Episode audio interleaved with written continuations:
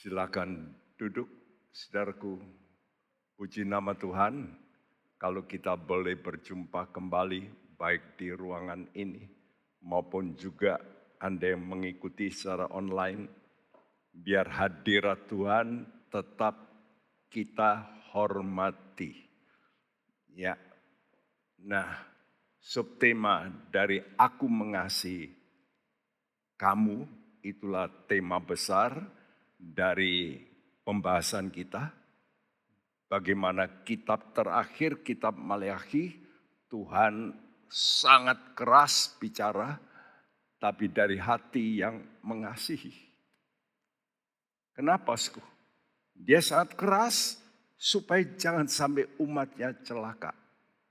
Karena itu dia mengatakan kata-kata yang begitu keras. Tapi dari hati yang sangat mengasihi. Karena itu Maleakhi pasal 1 dibuka dengan kata aku mengasihi kamu. Wow. Dan kita hari ini belajar tentang standar imam untuk diberkati.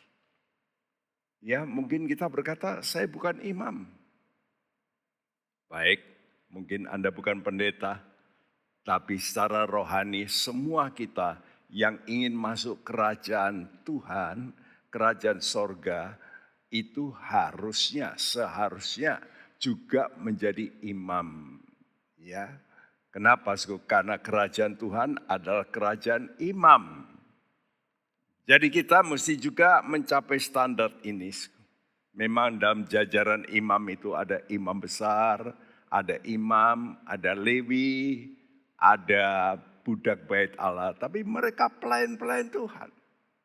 Semua kita yang ingin masuk surga harus ya melayani Tuhan. Nah, saudaraku ini penting sekali. Karena itu mari kita membaca dari Maleakhi pasal yang kedua ayat 5 sampai 9 yang berbunyi Perjanjianku dengan dia pada satu pihak ialah kehidupan dan sejahtera, dan itu kuberikan kepadanya. Pada pihak lain, ketakutan, dan ia takut kepadaku dan gentar terhadap namaku. Pengajaran yang benar ada dalam mulutnya, dan kecurangan tidak terdapat pada bibirnya. Dalam damai sejahtera dan kejujuran, ia mengikuti aku, dan banyak orang dibuatnya berbalik daripada kesalahan. Sebab bibir seorang imam memelihara pengetahuan, dan orang mencari pengajaran dari mulutnya. Sebab dialah utusan Tuhan semesta alam. Tetapi kamu ini menyimpang dari jalan, kamu membuat banyak orang tergelincir dengan pengajaranmu. Kamu merusakkan perjanjian dengan Lewi, firman Tuhan semesta alam. Iya, kita akan bahas ayat per ayat ini. Ayat 5 berkata perjanjianku dengan dia, yaitu dengan para imam, ya pada satu pihak ialah kehidupan dan sejahtera, dan itu kuberikan kepadanya. Pada pihak lain ketakutan, dan ia takut kepadaku dan gentar terhadap namaku. Ini terjemahan yang sudah diperbaiki dalam uh, Alkitab yang baru, edisi baru. Tapi Alkitab baru ini ternyata saya baca masih belum memperbaiki yang salah-salah yang masih banyak. Ya, tapi untuk ayat 5 ini lebih baik. Perjanjianku dengan dia, yakni kehidupan dan damai sejahtera, kuberikan kepadanya juga rasa takut supaya takut kepadaku dan gentar terhadap namaku. Jadi perjanjian itu erat hubungannya dengan roh takut akan Tuhan. Kalau kita ingin mendapat perjanjian Tuhan, kita harus juga memiliki roh takut akan Tuhan. Sebab inilah yang membuat kita bisa menerima perjanjian Tuhan.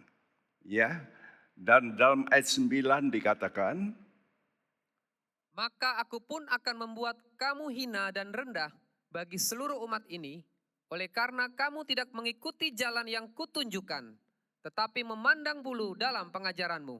Wow, Ini sekarang Tuhan ngomong keras sekali.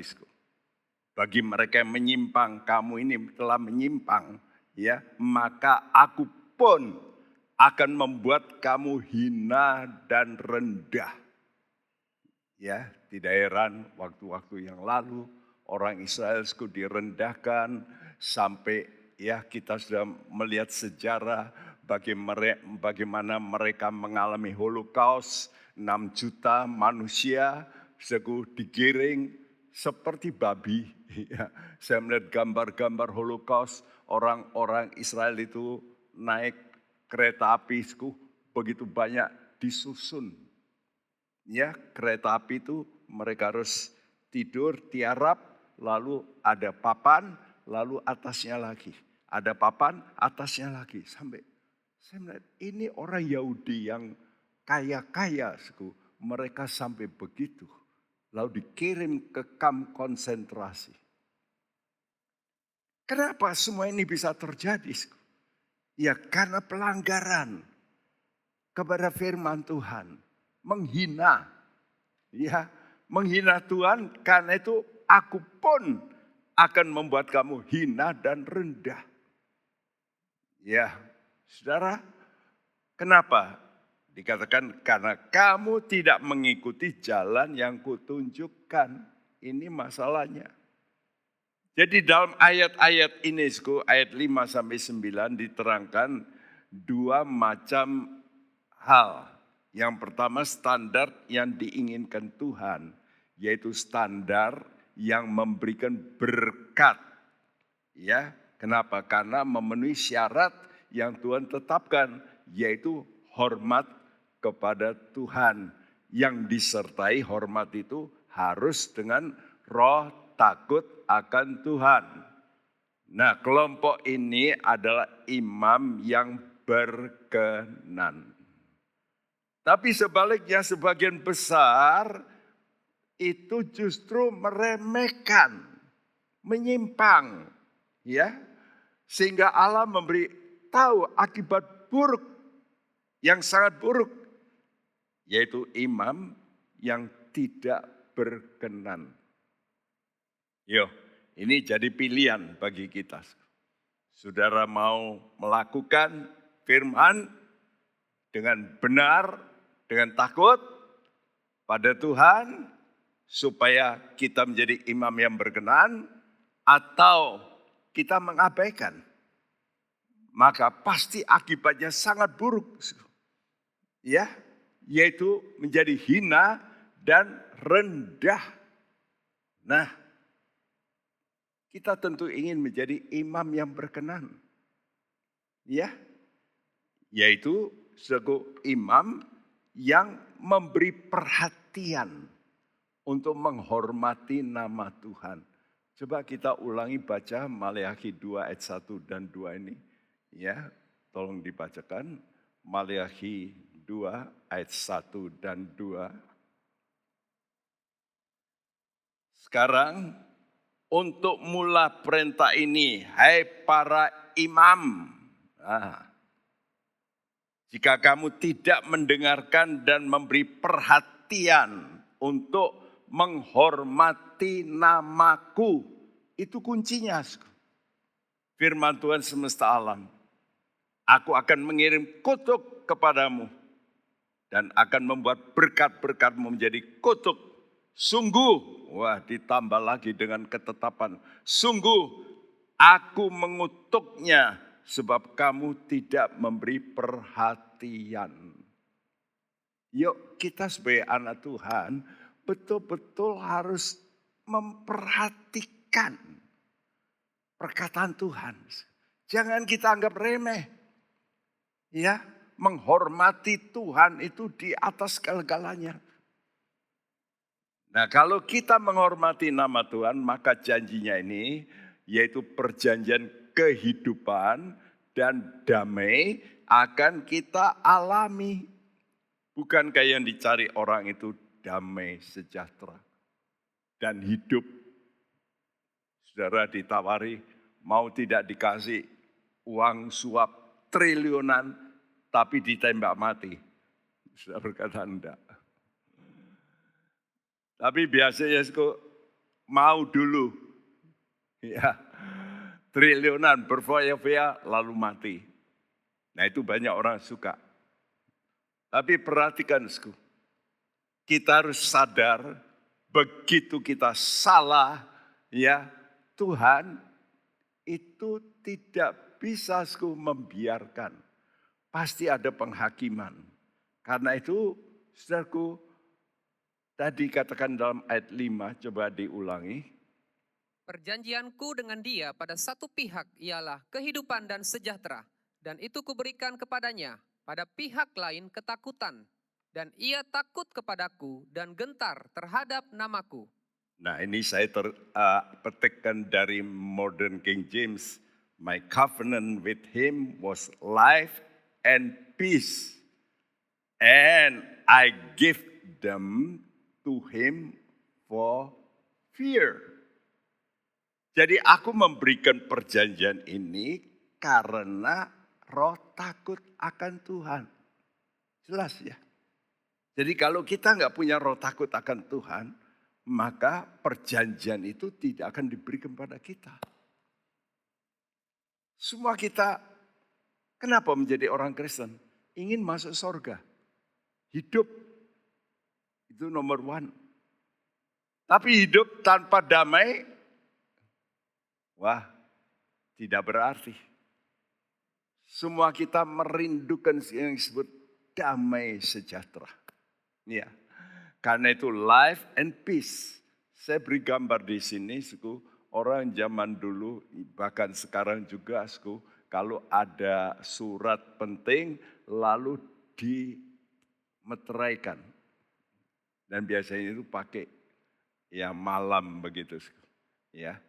Sekarang juga kadang-kadang kalau uh, amplop yang coklat itu diputar-putar ya lalu diikat lalu disegel. Nah, itu segel itu. Ya. Jadi Tuhan memberikan segel, meterai. Kalau kamu menghormati aku, pasti, pasti kamu hidup. Pasti kamu damai. Nah ini yang harus kita kejar. Tapi manusia itu tidak kejar ini, kejar duitnya. Mula-mula senang, tapi lihat aja.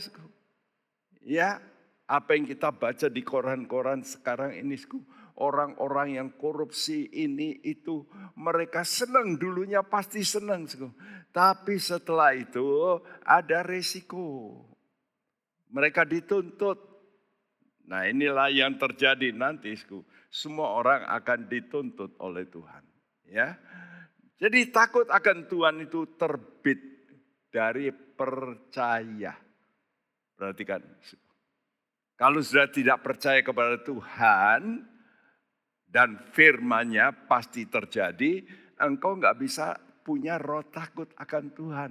Ayat ini sering saya kumandangkan supaya ini menjadi ayat yang Anda dan saya hafal. Mazmur 33 ayat 8 dan 9. Biarlah segenap bumi takut kepada Tuhan. Biarlah semua penduduk dunia gentar terhadap dia. Sebab dia berfirman, maka semuanya jadi. Dia memberi perintah, maka semuanya ada. Ya, perkataan ini bukan ditujukan hanya pada orang Kristen. Biar segenap bumi takut kepada Tuhan. Dan semua penduduk dunia, semua, ya siapa saja, suku, gentar. Kenapa, suku? Karena ucapan Tuhan itu pasti terjadi. Dan salah satu ucapan Tuhan yang sangat tadi kita baca, sku, kalau kamu tidak menghormati aku, aku pun akan membuat kamu hina dan rendah. Dan itu pasti terjadi. Wow. Karena itu kita mesti mempunyai percaya yang progresif. Banyak orang percaya, tapi mutu percayanya itu tidak menurut standar Alkitab. Nah, jadi saudara lihat di sini, saya memberikan saudaraku percaya yang progresif. Bagaimana percaya progresif itu? Pertama-tama aku percaya itu karena pribadi yang kita hormati. Kalau engkau berhadapan dengan orang yang engkau hormati, orang ini besar, orang ini bukan penipu, orang ini terbukti berhasil, maka engkau mulai hormat. Dan begitu dia uh, bicara, engkau percaya. Percaya itu artinya yang benar harus diikuti dengan langkah progresif menerima ucapannya. Bukan mengabaikan. Lalu bukan hanya menerima, menyimpan. Nah bukan hanya menyimpan, memperhatikan. Setelah memperhatikan, lalu hati kita kita fokuskan kepada janji-janji firman itu. Ya, dan karena kita ingin betul, kita mulai berseru, Tuhan, saya butuh itu. Ya. Lalu kata Tuhan, oke okay, kalau kamu butuh, kamu cari. Nah, kita mesti cari. Ada orang mencari, kalau nggak dapat, ya sudah. Tapi ada orang yang mencari, dia kejar. Ya, ayat-ayat ini semua dituliskan dalam kitab Amsal pasal kedua. Karena itu saya ulangi ayat-ayat ini supaya saudara bisa belajar ya. Coba kita bacakan Amsal 2 ayat 1 sampai 5. Hai anakku, jikalau engkau menerima perkataanku dan menyimpan perintahku di dalam hatimu, sehingga telingamu memperhatikan hikmat dan engkau mencenderungkan hatimu kepada kepandaian, ya jikalau engkau berseru kepada pengertian dan menunjukkan suaramu kepada kepandaian, jikalau engkau mencarinya seperti mencari perak dan mengejarnya seperti mengejar harta terpendam, maka engkau akan memperoleh pengertian tentang takut akan Tuhan dan mendapat pengenalan akan Allah. Ya, output hasil terakhir, maka ayat yang kelima, engkau akan memperoleh pengertian tentang takut akan Tuhan. Jadi takut akan Tuhan itu bukan sekedar percaya lalu timbul takut akan Tuhan, tapi takut akan Tuhan itu ada prosesnya. Proses yang progresif. Pertama-tama, dimulai dengan hati. Hati yang bagaimana, Sko? Hati yang merasa saya ini tidak mengerti banyak tentang hal-hal yang apa yang Tuhan janjikan. Ya, karena suku percaya itu artinya suku melihat yang tidak dapat kita lihat. See the unseen. Itulah percaya. Misalnya sorga. Saya kira semua kita belum pernah masuk sorga. Neraka, ya kita juga belum pernah melihat. Tapi kenapa kita percaya? Ya karena Alkitab menyatakan itu. Walaupun dinyatakan masih banyak orang tidak takut masuk neraka. Masih korupsi, masih dusta. Padahal Tuhan kata pendusta tidak ada di sorga. Nah, jadi banyak orang itu dengar, percaya Yesus. Tapi tidak percaya apa yang dikatakan itu nanti real. Ini bisa dimulai dengan ini, hai anakku. Jadi kalau saudara ini adalah orang yang mengakui, saya tidak ngerti. Ini penting, kerendahan hati itu sangat penting menyertai percaya kita. Karena itu kata Tuhan, kalau kamu tidak berubah menjadi seperti anak, kamu nggak bisa masuk surga. Jelas.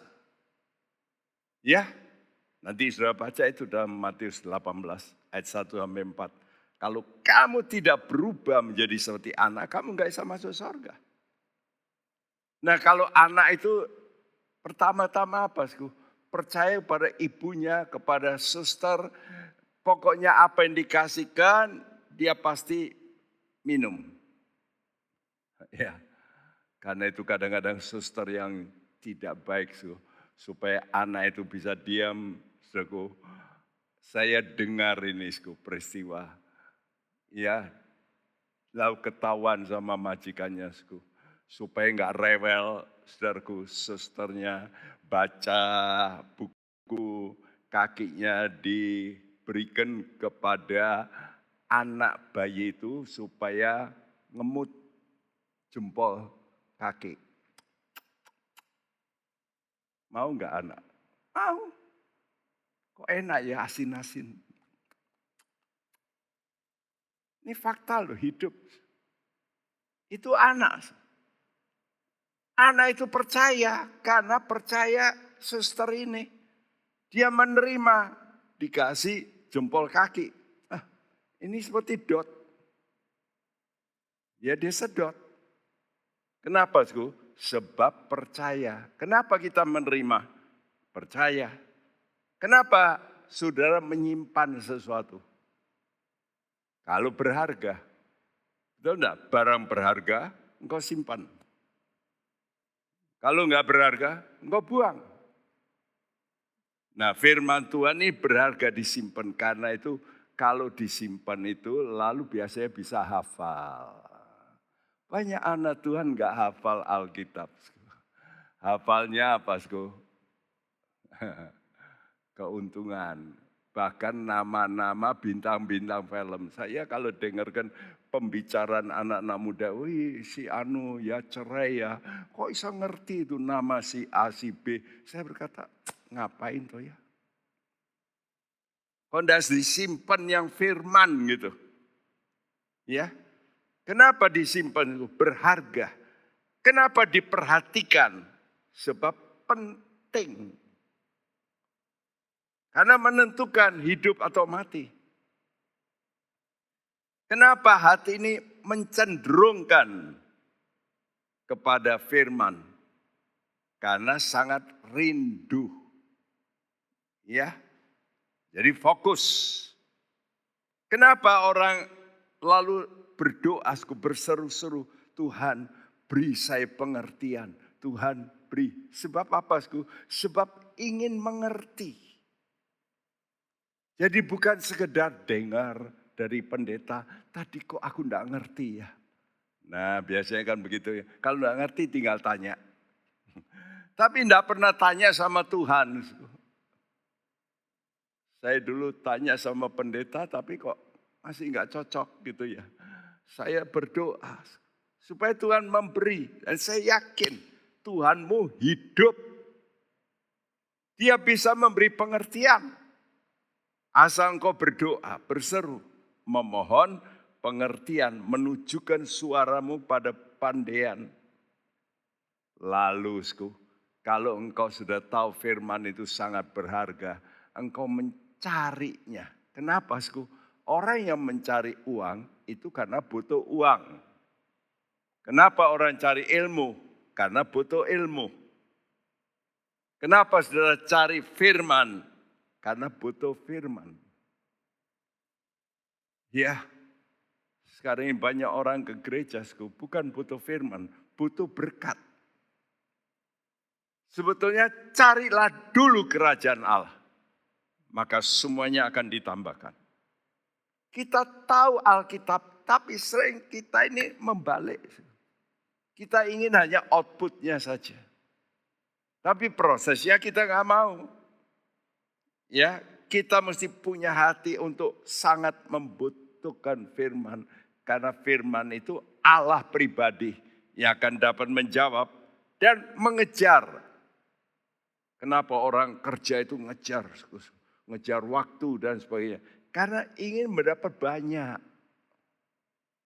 Kalau santai-santai, eh sudahlah saya sudah cukup makan. Nah orang yang begitu, nanti kalau hari tuanya, nah susah.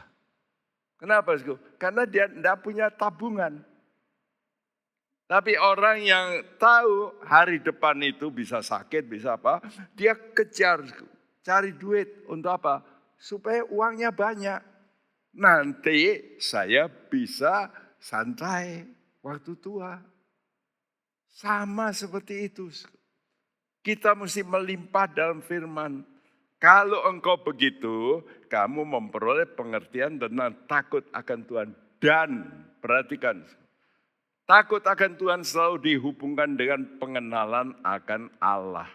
Jadi kalau orang tidak takut akan Tuhan, tidak kenal Allah. Ya. Nah, jadi ingat, hanya dengan roh takut akan Tuhan, seorang itu baru bisa mengenal Allah dengan benar. Apa tandanya kalau engkau mengenal Allah? 1 Yohanes 3 ayat 6 mengatakan, orang yang masih berbuat dosa itu tidak mengenal Allah. Itu jawaban Alkitab. Jadi kalau saudara masih berbuat dosa, itu tanda saudara tidak kenal Allah. Saudara boleh debat. Boleh menjadi orang Kristen bertahun-tahun. Tapi masih suka bertengkar. Tengkarnya dosa enggak? Dosa. Tapi banyak orang Kristen melakukan itu. Masih saja nipu. Loh, katanya Kristen. Masih saja korupsi. Kita dengarkan di koran-koran hari-hari ini.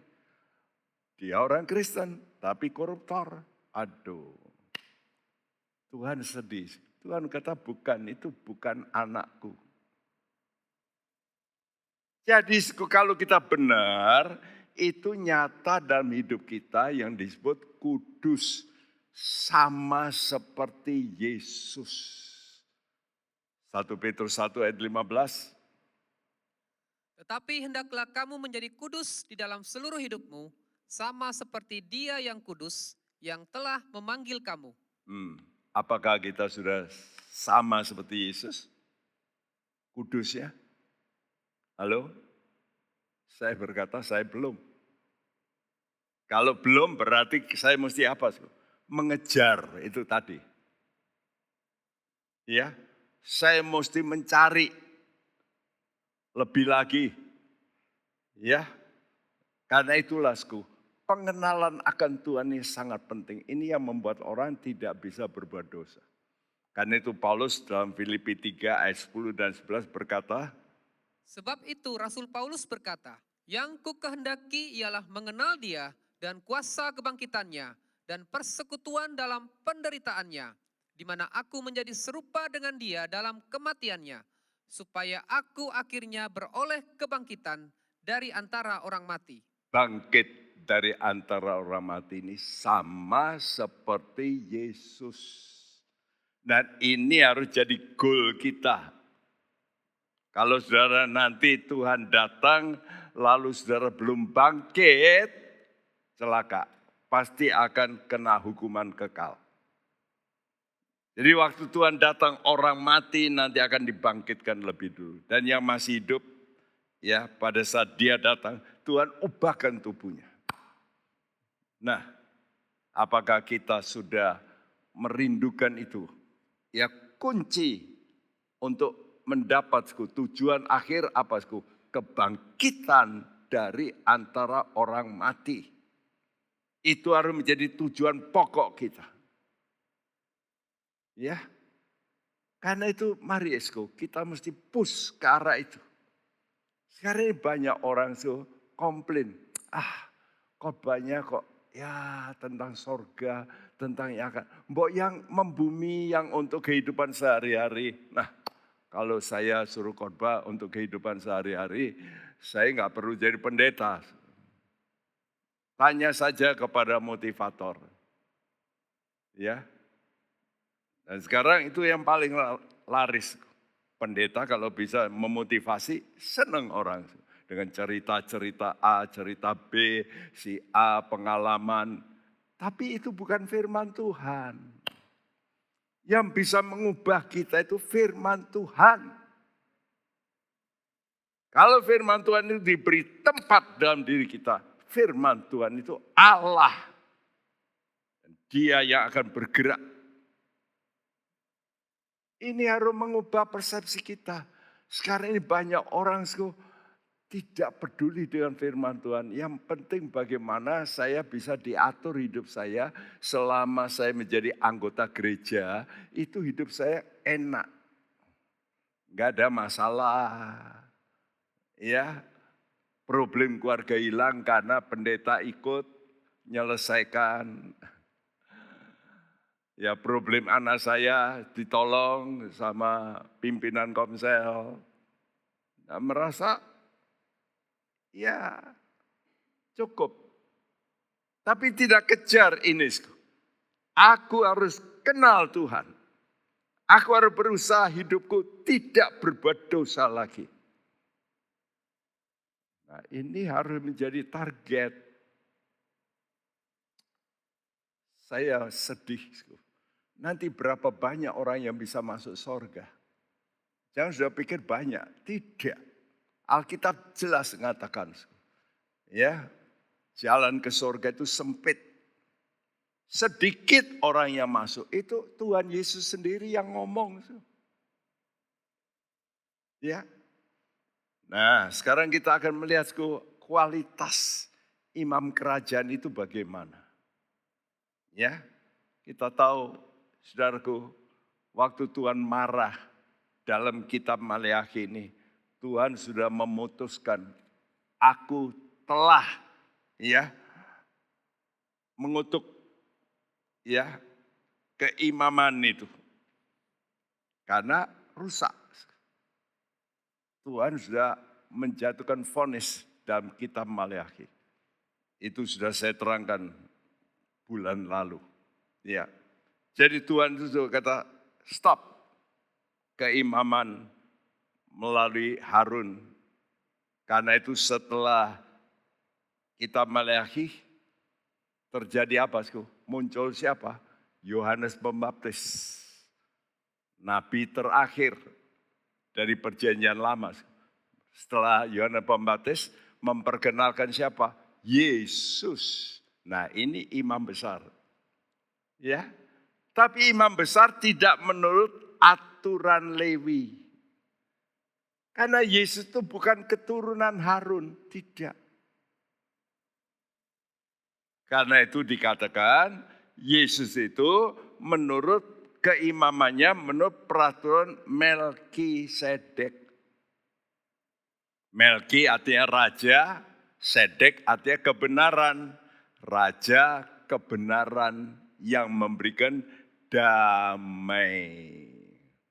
Karena itu dia raja kebenaran, namun juga raja damai. Nah tadi perjanjiannya apa? Perjanjian damai. Dari mana datangnya damai? Dari kebenaran. Karena itu kalau kita betul-betul punya kualitas jadi anak Tuhan, kita semua harus jadi imam yang melayani, menjadi sego uh, mediator selalu supaya anak kita, orang tua harus jadi mediator untuk dikenalkan kepada Tuhan. Siapa saja yang ada dekat dengan saudara, saudara jadi mediator. Untuk apa? Mendamaikan manusia dengan Allah. Nah, kalau saudara melakukan tugas ini, akibatnya mengalami penggenapan tadi, perjanjian life and peace, kehidupan dan damai sejahtera. Wah, saya mau mengakhiri hidup-hidup saya, apalagi di hari tua, suku damai. Ada keluarga, suku makin tua makin kacau. Ya, saya melihat itu waktu saya juga, karena saya juga konseling, suku banyak orang, tua-tua makin rumit, kacau, damainya nggak ada, menyedihkan. Ya, Nah, karena imam-imam itu tidak menghormati Allah waktu zaman Maleakhi, maka Yesus mengambil alih keimaman itu. Keimaman Lewi diganti menurut peraturan Melkisedek. Ibrani 5 ayat 7 sampai 10. Dalam hidupnya sebagai manusia, ia telah mempersembahkan doa dan permohonan dengan ratap tangis dan keluhan kepada Dia yang sanggup menyelamatkannya dari maut, dan karena kesalehannya ia telah didengarkan. Dan sekalipun ia adalah anak, ia telah belajar menjadi taat dari apa yang telah dideritanya, dan sesudah ia mencapai kesempurnaannya, ia menjadi pokok keselamatan yang abadi bagi semua orang yang taat kepadanya. Dan ia dipanggil menjadi imam besar oleh Allah menurut peraturan Melkisedek. Jelasku, Yesus menjadi imam besar menurut peraturan Melkisedek. Ya. Nah, bagaimana hidup Yesus? Ini harus menjadi contoh kita. Banyak orang Kristen berkata Yesus sudah menyelesaikan di atas salib. Dia sudah berkata, it is finished. Sudah selesai. Jadi saya terima saja. Yang ngerjakan Tuhan semua. Lu katanya mau seperti Yesus. Mau seperti Yesus, saudara juga harus hidup seperti Yesus. Anda sebagai manusia, dalam hidupnya sebagai manusia, ia mempersembahkan doa dan permohonan. Dengan apa Yesus berdoa?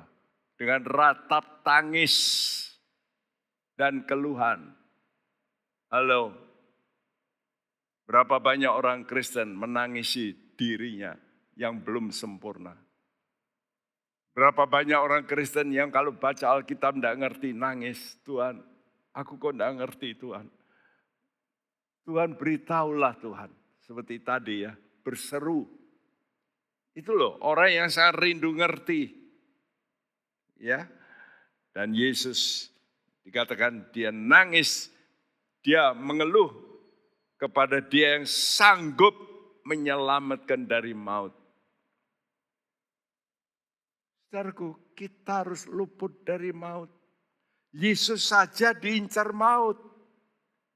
Apakah saudara nggak diincar oleh iblis? Pasti diincar.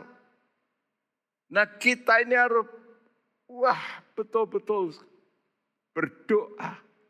Ya, mengeluh pada Tuhan, Tuhan tolong. Keinginan saya yang salah ini supaya dihancurkan Tuhan emosi saya yang meledak-ledak, suka marah, Tuhan tolonglah, Tuhan lepaskan. Kita biasa, ya sudahlah, memang ini karakter saya. Wah sudah susah. Sudah mesti ingin berubah. Ya, supaya selamat. Dan sekalipun Yesus itu anak, ia belajar menjadi taat dari apa yang deritanya. Saudara, kunci kehidupan Kristen itu ketaatan dalam penderitaan. Saya ulangi, kunci kehidupan Kristen ketaatan dalam penderitaan, bukan percaya. Percaya itu start, modal. Tapi kalau sudah tidak taat, jangan harap masuk surga. Kunci kehidupan Kristen taat walaupun harus menderita. Nah, begitu. Taat kepada kebenaran. Ya, jangan sudah sudah berkata eh sudah dilakukan oleh Tuhan Yesus semua. Saya tinggal terima hadiahnya. Dosaku sudah diampuni. Ya, tanpa kita belajar mengenal Tuhan. Akibatnya apa? Berdosa lagi. Orang yang mengenal Tuhan, dia tidak akan berbuat dosa lagi. Kita mesti mencapai itu. Kalau masih berbuat dosa, berarti kurang pengenalannya. Nah di situlah kita berseru, Tuhan tolong saya salah. Lagi-lagi salah, ampuni saya. Tapi saya tidak mau terus salah. Saya mau berubah. Penting. Ya, saat menjadi manusia, Yesus menunjukkan hormatnya pada Bapa. Dia berkata seperti ini dalam Yohanes 8 ayat 49. Aku tidak kerasukan setan, tetapi aku menghormati Bapakku dan kamu tidak menghormati aku. Jelas. Yesus waktu menjadi anak, dia menghormati Bapak. Nah, kita mesti menghormati. Ya, karena itu waktu sudah diajar berdoa oleh Yesus, maka kata-kata pertama apa, Sku? Bapak kami yang di sorga, dikuduskanlah namamu. Ingat-ingat Sku, begitu sudah berdoa, coba ingat rundown dari ucapan Tuhan. Ya, engkau mesti berkata Bapak kami. Supaya ada timbul hubungan. Lalu apa?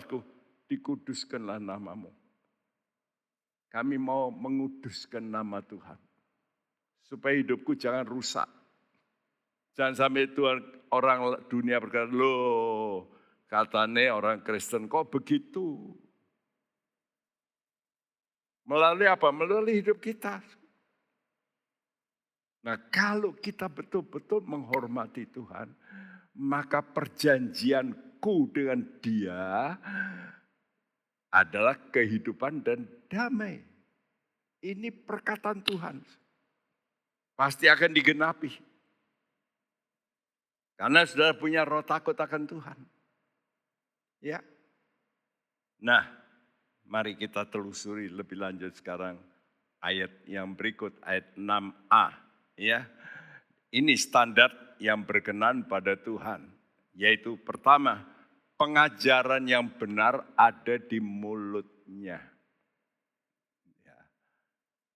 Maleakhi 2 ayat 6a. Pengajaran yang benar ada dalam mulutnya dan kejahatan tidak terdapat pada bibirnya. Ya, pengajaran yang benar ada di mulutnya.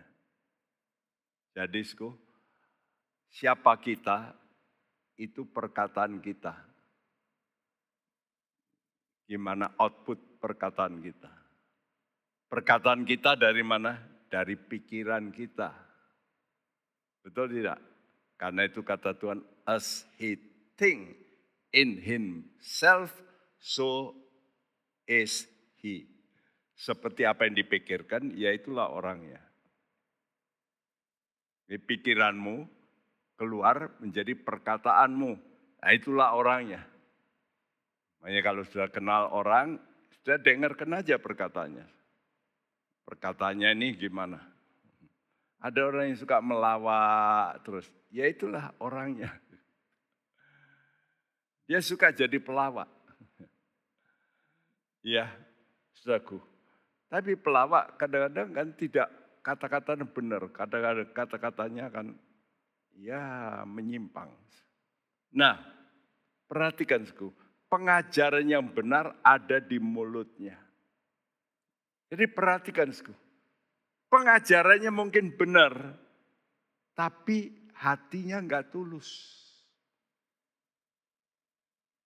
Dan itulah sebabnya Tuhan juga memberikan warning, hati-hati kamu dengan orang Farisi, ya, ahli Taurat, mereka mengajarkan kebenaran memang, tapi hatinya jahat.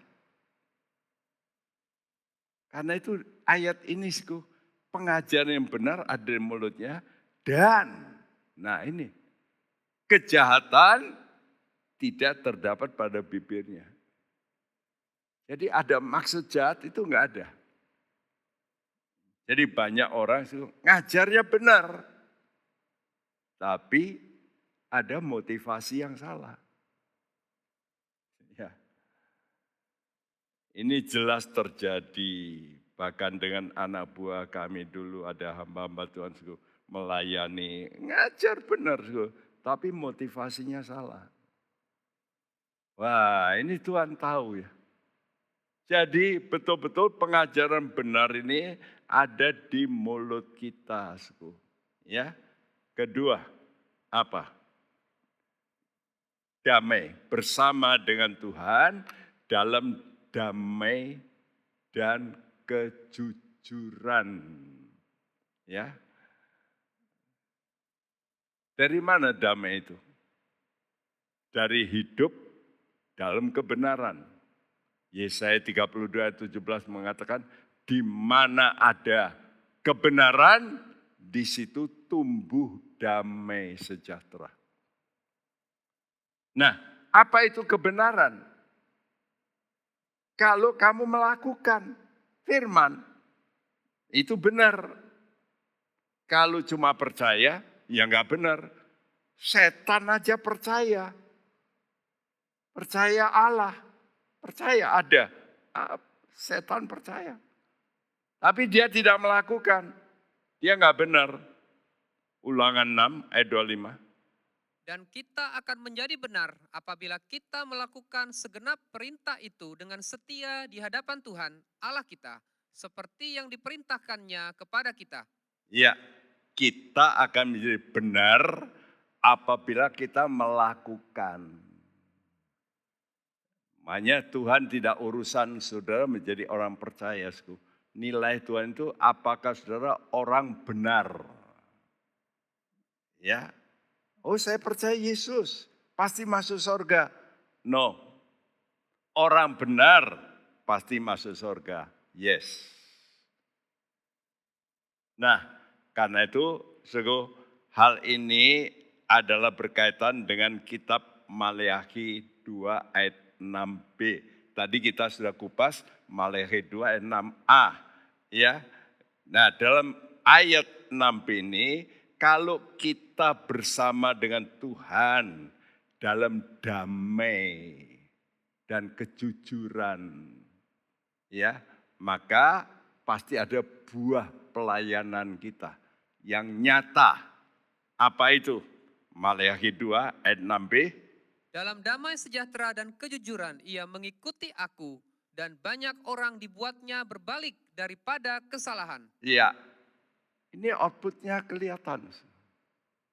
Saudara ini berjalan dengan Tuhan dengan damai dan jujur. Apa? Hasilnya banyak orang dibuatnya berbalik dari kesalahan. Karena itu kelihatan saudara bisa membawa orang ini dulunya nakal, sekarang jadi baik, Wah, itu pasti saudara ini bersama dengan Tuhan dalam damai dan kejujuran. Karena hatimu jujur dan benar. Ya. Jadi kadang-kadang kata-kata kita benar dalam pandangan orang, tapi hati kita nggak jujur. Ini mesti menyatu, Ya, sehingga kita itu berada dalam damai.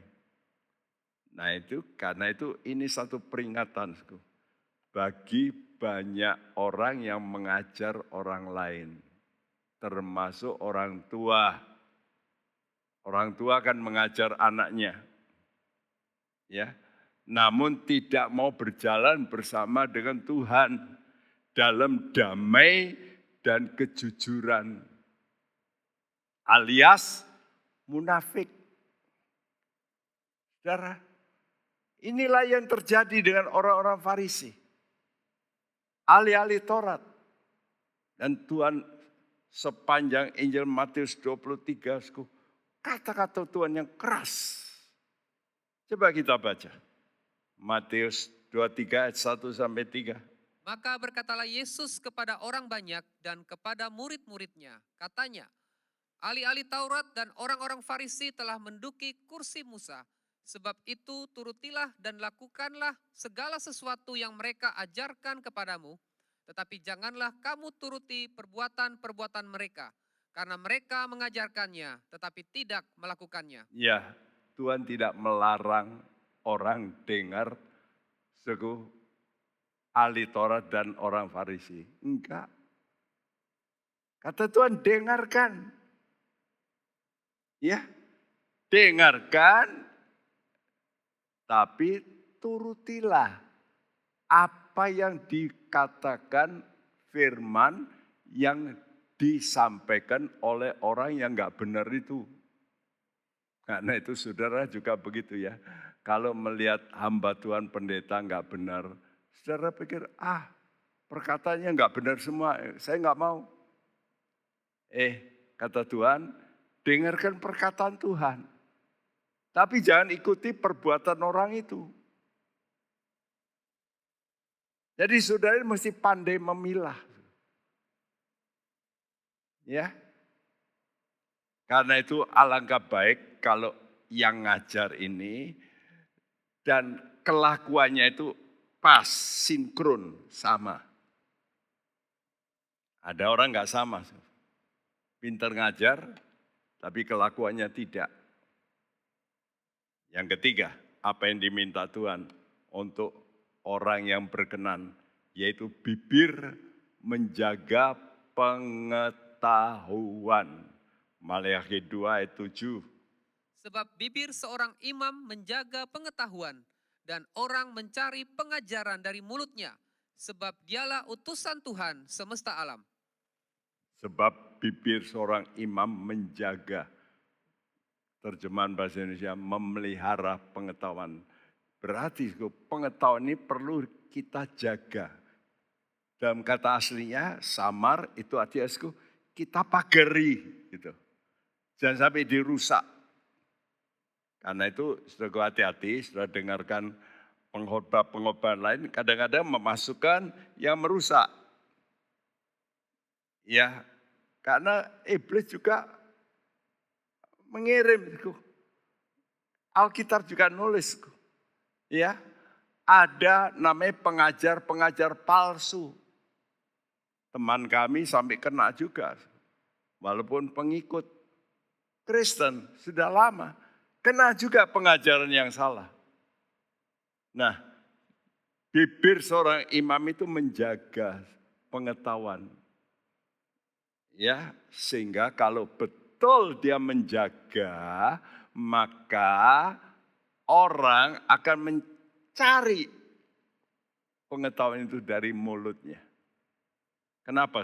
Sebab dialah utusan Tuhan semesta alam. Wih, waktu saya baca ini, oh Tuhan, terima kasih. Kalau kita ngomong benar, itu utusan Tuhan semesta alam. Apa artinya Tuhan semesta alam? Tuhan dengan pasukan sorga. Karena itu saya yakin sih, hamba Tuhan yang benar pasti disertai malaikat-malaikat Tuhan. Dijaga oleh Tuhan. Ya, mungkin nanti ada terjadi ini, eh malaikat Tuhan akan ambil alih untuk melakukan perlindungan. Nanti baca dalam Mazmur 91. Malaikat Tuhan itu akan bekerja. Kita nggak lihat. Saya percaya ke providensia Allah. Saya pasrahkan hidup saya kepada Tuhan. Sang providensia, pemelihara hidup saya. Dia akan menjaga.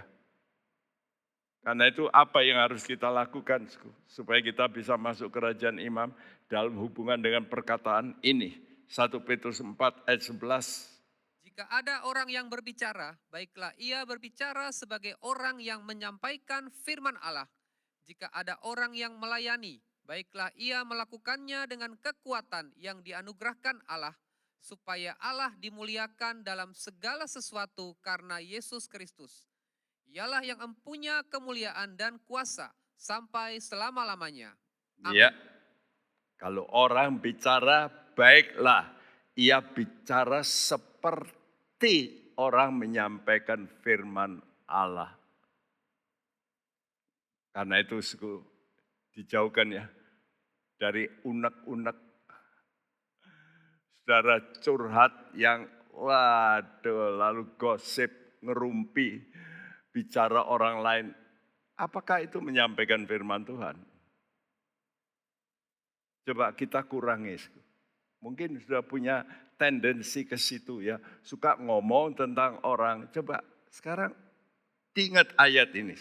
Kalau aku bicara, itu seperti orang menyampaikan firman. Supaya Allah dimuliakan. Yuk mari kita kendalikan mulut kita ini karena ini yang paling banyak salah. Ya. Nah, kalau kita disertai oleh yang mengutus kita itu Tuhan semesta alam. Itulah orang yang bisa menjaga mulutnya. Maka apa yang terjadi? Malaikat-malaikat itu nanti akan mendorong juga orang untuk mendengarkan. Ya, jadi kalau kita mampu menjaga mulut, apa yang terjadi? Orang mencari pengajaran dari mulutnya.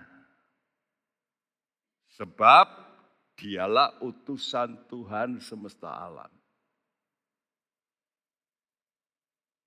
Saya melihat cukup banyak ya yang saya kirim kadang-kadang, Om, gedung kami kok kurang ini sound systemnya, jadi gak enak, jadi gak bisa banyak orang dengar.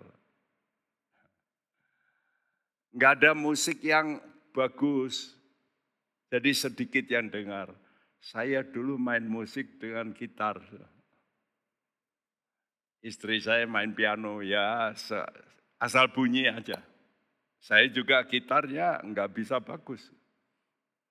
Lalu juga ada pemain bass betot. Ding, ding, ding, ding. Ya cuma itu. Gitar, piano, bass betot. Eh ya lama-lama penuh.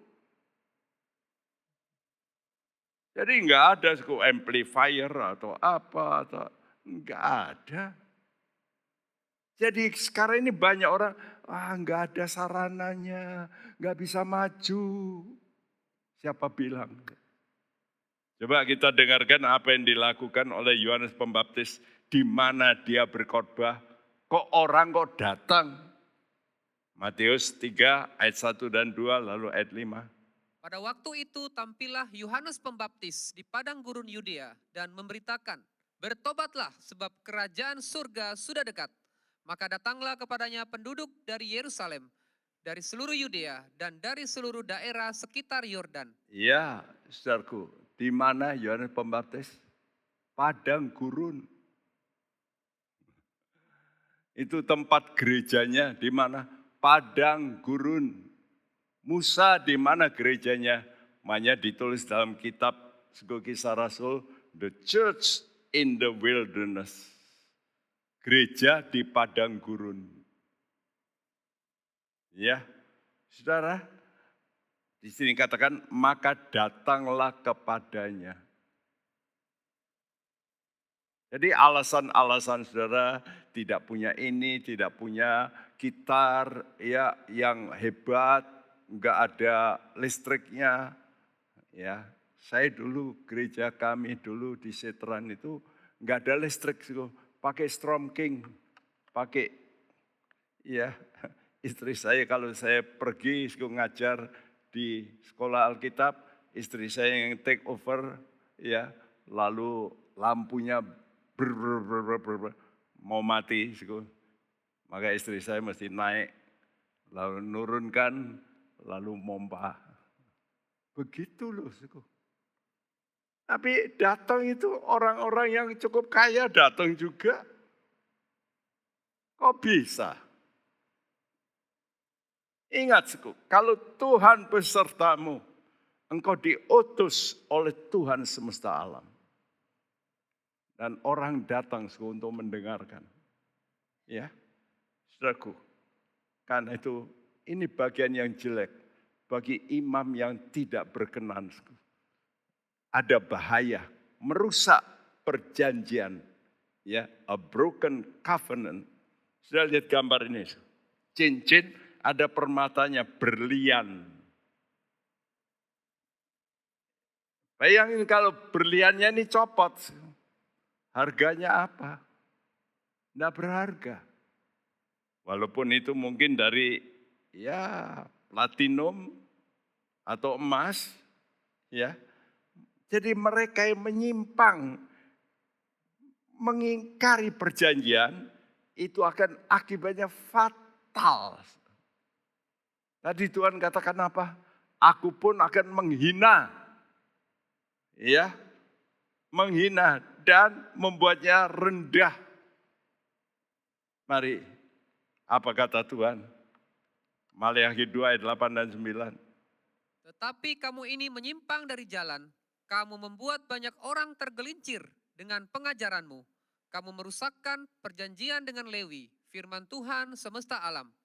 Maka aku pun akan membuat kamu hina dan rendah bagi seluruh umat ini, oleh karena kamu tidak mengikuti jalan yang kutunjukkan, tetapi memandang bulu dalam pengajaranmu. Ya, inilah akibat fatal dari para imam, pengajar, siapa saja yang menyatakan firman suku. Apa akibatnya? Karena menyimpang dari jalan Tuhan. Pertama, banyak orang tergelincir. Karena itu tidak heran, nanti dosa guru, pengajar itu lebih berat. Jadi di neraka itu juga ada tingkatannya. Ya, samalah kalau sudah lihat di ya ada Nusa Kambangan itu tingkat tinggi, betul enggak? Ya. Jadi ada penjara yang biasa, tapi ada penjara yang keras. Ya, banyak orang tergelincir. Lalu apa, Sku? Merusak perjanjian Lewi. Dirusak. Ini berbeda dengan bilangan 25. Pinahas, waktu dia tahu ada yang nggak benar, dia melakukan tindakan radikal. Dia bunuh orang yang melakukan kejahatan. Dan Tuhan janji, Pinahas, aku akan membuat keimamanmu akan selama-lamanya. Yang ketiga, orang Lewi nanti dihina, direndahkan di hadapan umat. Saudara mendengar sendiri di koran-koran. Ya pelayan-pelayan Tuhan yang saat ini ada di penjara. Ya kenapa? Sku? Ya mengalami hinaan. Omongan orang yang tidak baik. Itu semua datang oleh karena menyimpang dari jalan Tuhan. Tapi Tuhan itu kasih. Di tengah-tengah itu Tuhan kata, aku mengasihi kamu. Masih ada kesempatan, walaupun di penjara, masih ada kesempatan untuk apa? Bertobat. Karena Tuhan itu Tuhan yang kasih. Saya yakin, apa pun dosa kita, kalau kita mau bertobat, Tuhan buka tangan. Tuhan kata, I love you. Aku mengasihi kamu. Karena itu persembahkanlah tubuh kita sebagai persembahan yang hidup, kudus, dan yang berkenan pada Tuhan. Itu ibadah kita yang sejati.